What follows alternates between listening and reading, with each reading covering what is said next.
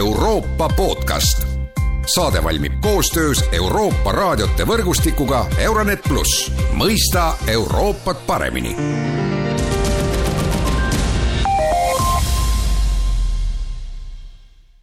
tere tagasi kuulama Euroopa podcasti. Euroopa Liidu liikmesriigid on kokku leppinud uutes immigrantide vastuvõtureeglites. Milline näeb uus lepe välja, sellest on täna stuudios kõnelemas siseminister Lauri Läänemets, tere päevast! tere päevast! ja mina olen Erkki Pahovski. no kontekst on ju tegelikult päris jube, kui me räägime selle lepingu tekke asjaoludest või, või sellest taustast, et eelmisel nädalal uppus Vahemeres umbes sadakond inimest ja täna esmaspäeval tuli teade umbes kolmesaja Pakistani inimese uppumisest, me oleme harjunud äh, viimase pooleteisel aastal nägema Ukraina põgenikke, kes on tulnud ka mujale Euroopasse, aga samas Lähis-Idast äh, tulevad ja olevad põgenikud ei ole kuhugi ära kadunud ja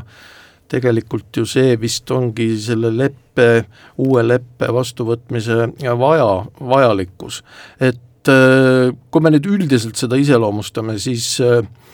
milles see uus lepe erineb varasemast ja miks seda praegu oli vaja vastu võtta? jah, tõesti, põgenik liigub kogu aeg, et võib-olla koroona-aastad andsid nüüd natukene sellise, ma ei tea, tagasilöök on vale öelda, aga liikus vähem põgenikke, aga noh, nüüd nad tulevad ja erinevad konfliktid, mis meil äh, tegelikult Aafrika mandril jälle alguse on saanud seal või üles keerinud, et äh, ennustatavalt äh, noh, sealt hakkab tulema päris palju neid põgenikke, et arvatavasti mingi hetk kuuleme jälle sellest, kuidas kuidas kõik Vahemere riigid seal ägavad nende probleemide käes, aga põhimõtteliselt no ma ei tea, kas ütleme nii, et Eesti vaatest võib-olla on see see kokkulepe midagi sellist, mida me oleme tahtnud, sellepärast et kõik need Eesti Eesti äh, soovid on äh, siin arvesse võetud ja, ja kõige tähtsam soov, et sellist kohustuslikku äh, kohustuslikku ümberpaigutamist ei tule, ehk siis noh, põhimõtteliselt võiks nagu kolmeks et kvootide süsteem jääb ära? jah, kvootide süsteem nagu selles mõttes jääb ära jah, et sa oled kohustatud vastu võtma, et noh, võib-olla nii-öelda juriidilise poole pealt, et kui varem oli plaanitud äh, direktiivina ta vastu võtta, mis tähendab siis, et riigid oleks saanud veel kohaldada seda nii-öelda vastavalt oma soovile, siis äh, nüüd on otsekohalduv määrus, mis tähendab sellist tõlgendamisruumi kellelegi sinna vahele ei jäeta. Aga põhimõtteliselt solidaarsus on kohustus, kohustuslik on solidaarsus, ehk siis äh, kui, äh, kui keegi vajab abi, siis aitama peab. Ja nüüd lihtsalt äh, nii-öelda kvootide mõttes ta on ära jaotatud üle Euroopa riikidega, et Eesti see osa kogu sellest nii-öelda abist, sellest solidaarsest abist on null koma kakskümmend kuus protsenti, mis on noh, suhteliselt marginaalne ja pisikene, pisikene number ja see tähendab siis seda, et meil on kaks võimalust Äh, üks võimalus on see, et me siis aitame, et võtame põgenikke vastu või neid, kes on siis rahvusvahelise kaitse saanud, on ju. Et äh, ja aastas on meil siis kuni seitsekümmend üheksa inimest, äh, keda me saame vastu võtta see, selle loogika järgi. Ja teine võimalus on nüüd aidata hoopis rahaliselt seda riiki, kes siis seda abi vajab, aga see rahaline abi ei pruugi ka olla rahaline, et võimalik on ka aidata nii, et me saadame näiteks piirile hoopis oma politseijõud, Äh, võimalik, et me saadame hoopis oma, ma ei tea, rannavalve äh, kuidagi neile appi tegutsema, et noh, mis, see nüüd oleneb riikidevahelisest äh, kokkuleppest, et noh, põhimõtteliselt see noh, mis meie oleme tahtnud, see on seal kirjas, jah. No kriitikud on siin öelnud, et, et mõne tõlgenduse järgi tähendab see uus lepe seda, et äh, riigid, mõned riigid saavad karmistada asüülitaotlejate vastuvõtmist ja siin on siis, äh, siin see tõlgendumisruum tekibki just, et, et need riigid, kes on kuulutatud nii-öelda piiririikideks, frontline states inglise keeles, et, et tegelikult see tähendaks siis põgenike no karmimat kohtlemist, rohkemaid kinnipidamiskohti ja nii edasi ja nii edasi, no kui seda utreerida, siis äh, tundub, et Euroopa Liidu piiridele saaks äh, tekitada mingisuguseid suuri vangilaagreid, no siin tekib, eks ole, kaks küsimust, kas, äh, kas Eesti on piiririik ja, ja kas see üldiseloomustus peaks, peab niimoodi paika? Ei, ma ei ütleks, et see peab paika, et tegelikult oli nii, et Vahemeremaad, kes kõige rohkem mõjutatud praegusel hetkel äh, ju sellest rändest äh, on, et äh, nemad üldse tegelikult väga rahul ei olnud selle leppega, sest nende jaoks, noh, kui me räägime sellest, et üldse kogu arv aastas, mis inimesi ümber paigutatakse, hetkel on kolmkümmend tuhat inimest. me räägime seal aasta jooksul tuleb võib-olla miljon inim-, inimest Euroopasse siia-sinna, see kolmkümmend tuhat on kaduvväike. et seal tõesti võeti nii-öelda menetlus, menetlemise aega, on ju, et kui kaua sa seal seal piiril pi-, piiril saad neid inimesi majutada, on ju, enne kui tagasi pead saatma, lühendati, on ju, mis kaheteist kuu peale oli seal. et või kaheteist nädala peale, vabandust, mitte kuu peale. Et eh, noh, mingeid selliseid muudatusi tehti, aga sisuliselt eh, ma küll ei ütleks, et mingisugust sellist see, noh, see kriitika tõele ei vasta, Eesti muideks on piiririik ja, ja selles mõttes kõik see loogika Eesti jaoks on ka ju oluline. et me saame Eh, saaksime noh, tegelikult noh, meie jaoks on üldse oluline, et, et inimesed ei jõuakski siia tegelikult üle piiri ja ma arvan, et eh, meil on võib-olla Lõuna-Euroopa riikidega ka natukene teistsugune olukord, et me suudame oma piiri äh, selles mõttes kontrollida, et nad ei äh, pääse piirist üle. no siin et ei ole sellist merepiiri, kus täpselt, tuleksid põgenikud, see on see loogika vist, jah? jah, täpselt, see on see loogika, et ehk siis noh, meil seda probleemi sellisel kujul ei ei teki, aga küll noh, kui põgenikke kasutatakse relvana, nii nagu on see Poolas, Leedus olnud, et et ka see, see, see, noh, see on see koht, kus kohas võib, võidakse meie vastu seda kasutada, aga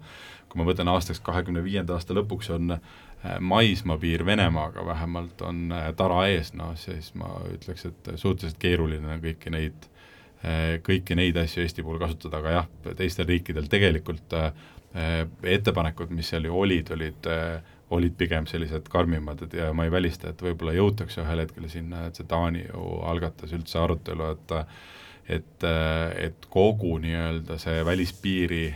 me nagu, ma ei tea, võtame Itaalia sealt, on ju, et Itaalia välispiir ei hakka mitte Itaaliast, vaid hakkab teiselt äh, mandrilt siis, on ju, et hakkab sealt Aafrikas ja me kõik toimingud teeme seal ja, ja jätamegi need inimesed sinna. et noh, see on, see on nii-öelda uus lähenemine, seal ma arvan, et inimõiguste küsimused on päris suured, aga aga ma ei, üldse ei välista, et me jõuame selle aruteluga ka kuskil ühe, ühel hetkel, sellepärast et äh, põgenikke tuleb palju ja ta on päris suur probleem. No inimõiguste küsimus on kohe järgmine, et äh, ma ei taha olla väga kiuslik, aga see ju tuleb loomulikuna pähe, et kui me mõtleme siin sellele, et Ukraina põgenikke on eestlased väga meeleldi vastu võtnud, äh, mitukümmend tuhat põgenikku on tulnud Ukraina täiemahulise sõja algusest Eestisse, aga samal ajal äh, Lähis-Ida põgenikke me väga ei taha, et äh, ja nüüd, nüüd ongi siis küsimus, et kuidas see lepe seda võiks nagu reguleerida, et äh, meid hakatakse süüdistama kohe vahe tegemises rassismis ja ksenofoobias ja nii edasi. No ta, noh esiteks Ukraina põgenikke on meil nii palju, et põhimõtteliselt selle leppe järgi tuleb ka arvestada seda, seda olukorda, on ju, et, et kas ühesõnaga kahte olukorda, et kas siis sul on nii-öelda neid Ukraina põgenikke sellise, see, sellist, sellist juhtumit, on ju, et äh, siis äh, ka meil on mingi kohustused ja taluvusküsimused ja teine on siis see, kui põgenikke kasutatakse relvana, et siis ka võib-olla sul seda ressurssi ei ole, sa kogu selle ressursi pead panema sellisel juhul Euroopa välispiirile. et seda arvesse kavatsetakse võtta aga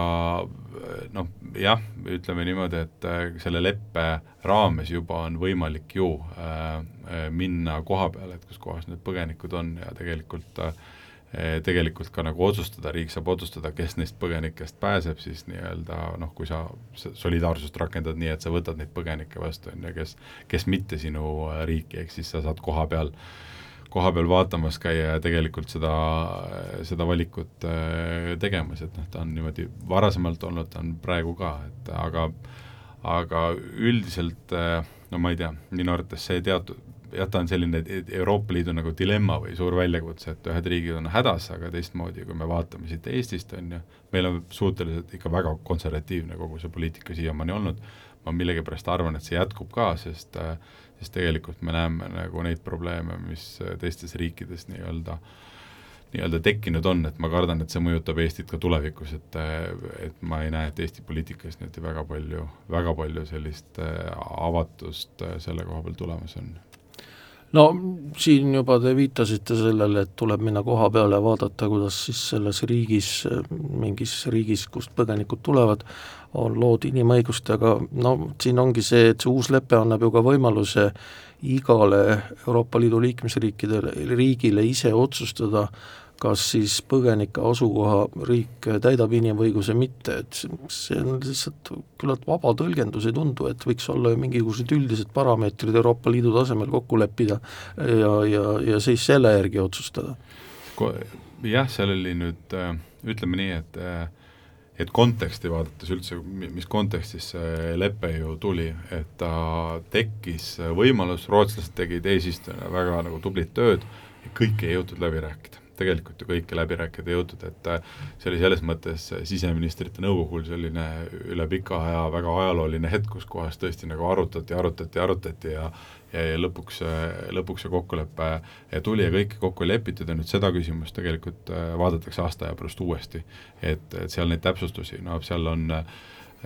seal on Kreeka jaoks näiteks väljakutse, läheb samamoodi, et, et kas Türgi ei lähe tegelikult nii-öelda rahvusvaheliste lepingute loogikatega ka sinna alla, on ju, et nad tahaks neid inimesi Türki võib-olla tagasi saata, on ju, kes sinna Kreekasse tulevad ja ja, ja, ja kõik muud probleemid, aga äh, hästi üldiselt öeldes tegelikult on mõeldud äh, seda siis, et äh,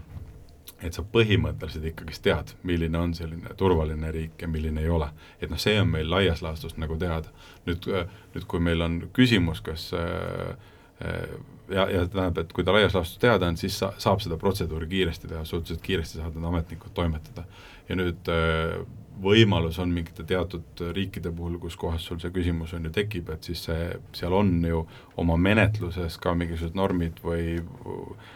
nii-öelda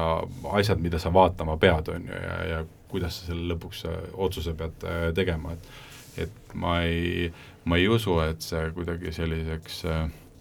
selliseks valesti tõlgendamiseks äh, seal läheb. No vaheküsimus Türgist rääkides, äh, mis seis on praegu Türgiga, et Türgi valimised on lõppenud ja praegu vist ei ole mingisuguseid märke, et Recep Tayyip Erdogan, Türgi president, tahaks rändelepingut Euroopa Liiduga kuidagi muuta, ehkki ta on aeg-ajalt seda ähvardanud, aga, aga praegu vist sellist nagu tõsiseltvõetavat äh, nagu äh, seisu ei ole. Ei, mina ei ole ka kuulnud nagu, et äh, oleks midagi sellist olnud, aga ütleme nii, et valimised olid ka äsja, et ma nagu ei tormaks, tormaks ette, et ma kardan, kui surve tuleb sinna või, või Türgil midagi on vaja, eks nad siis seda kaarti jälle hakkavad kasutama ka no juba korra mainisite, et äh, olulised otsused tulevad veel aasta pärast, see tähendab ju seda, eks ole, et see leping ei ole veel jõus äh,. Mis üldse, mis on äh, tulevased sammud selle lepingu jõustumisel, seda tuleks ju Eestis ka rohkem arutada, parlamendis ja avalikkuses ja nii edasi? no põhimõtteliselt me oleme parlamendis arutanud Euroopa Liidu asjade komisjonis on see arutelu olnud, tõsi, peab ütlema, et suhteliselt tagasihoidlik nii komisjonis kui, kui ka avalikkuses, et arvestades kõik aastat kaks tuhat viisteist vist oli see, enne kui see suur mäsu oli. et ta võib-olla ka sellepärast, et kui komisjonis ma ütlesin, et põhimõtteliselt kõik parlamendierakonnad on olnud vahepeal valitsuses ja neid seisukohti kujundanud,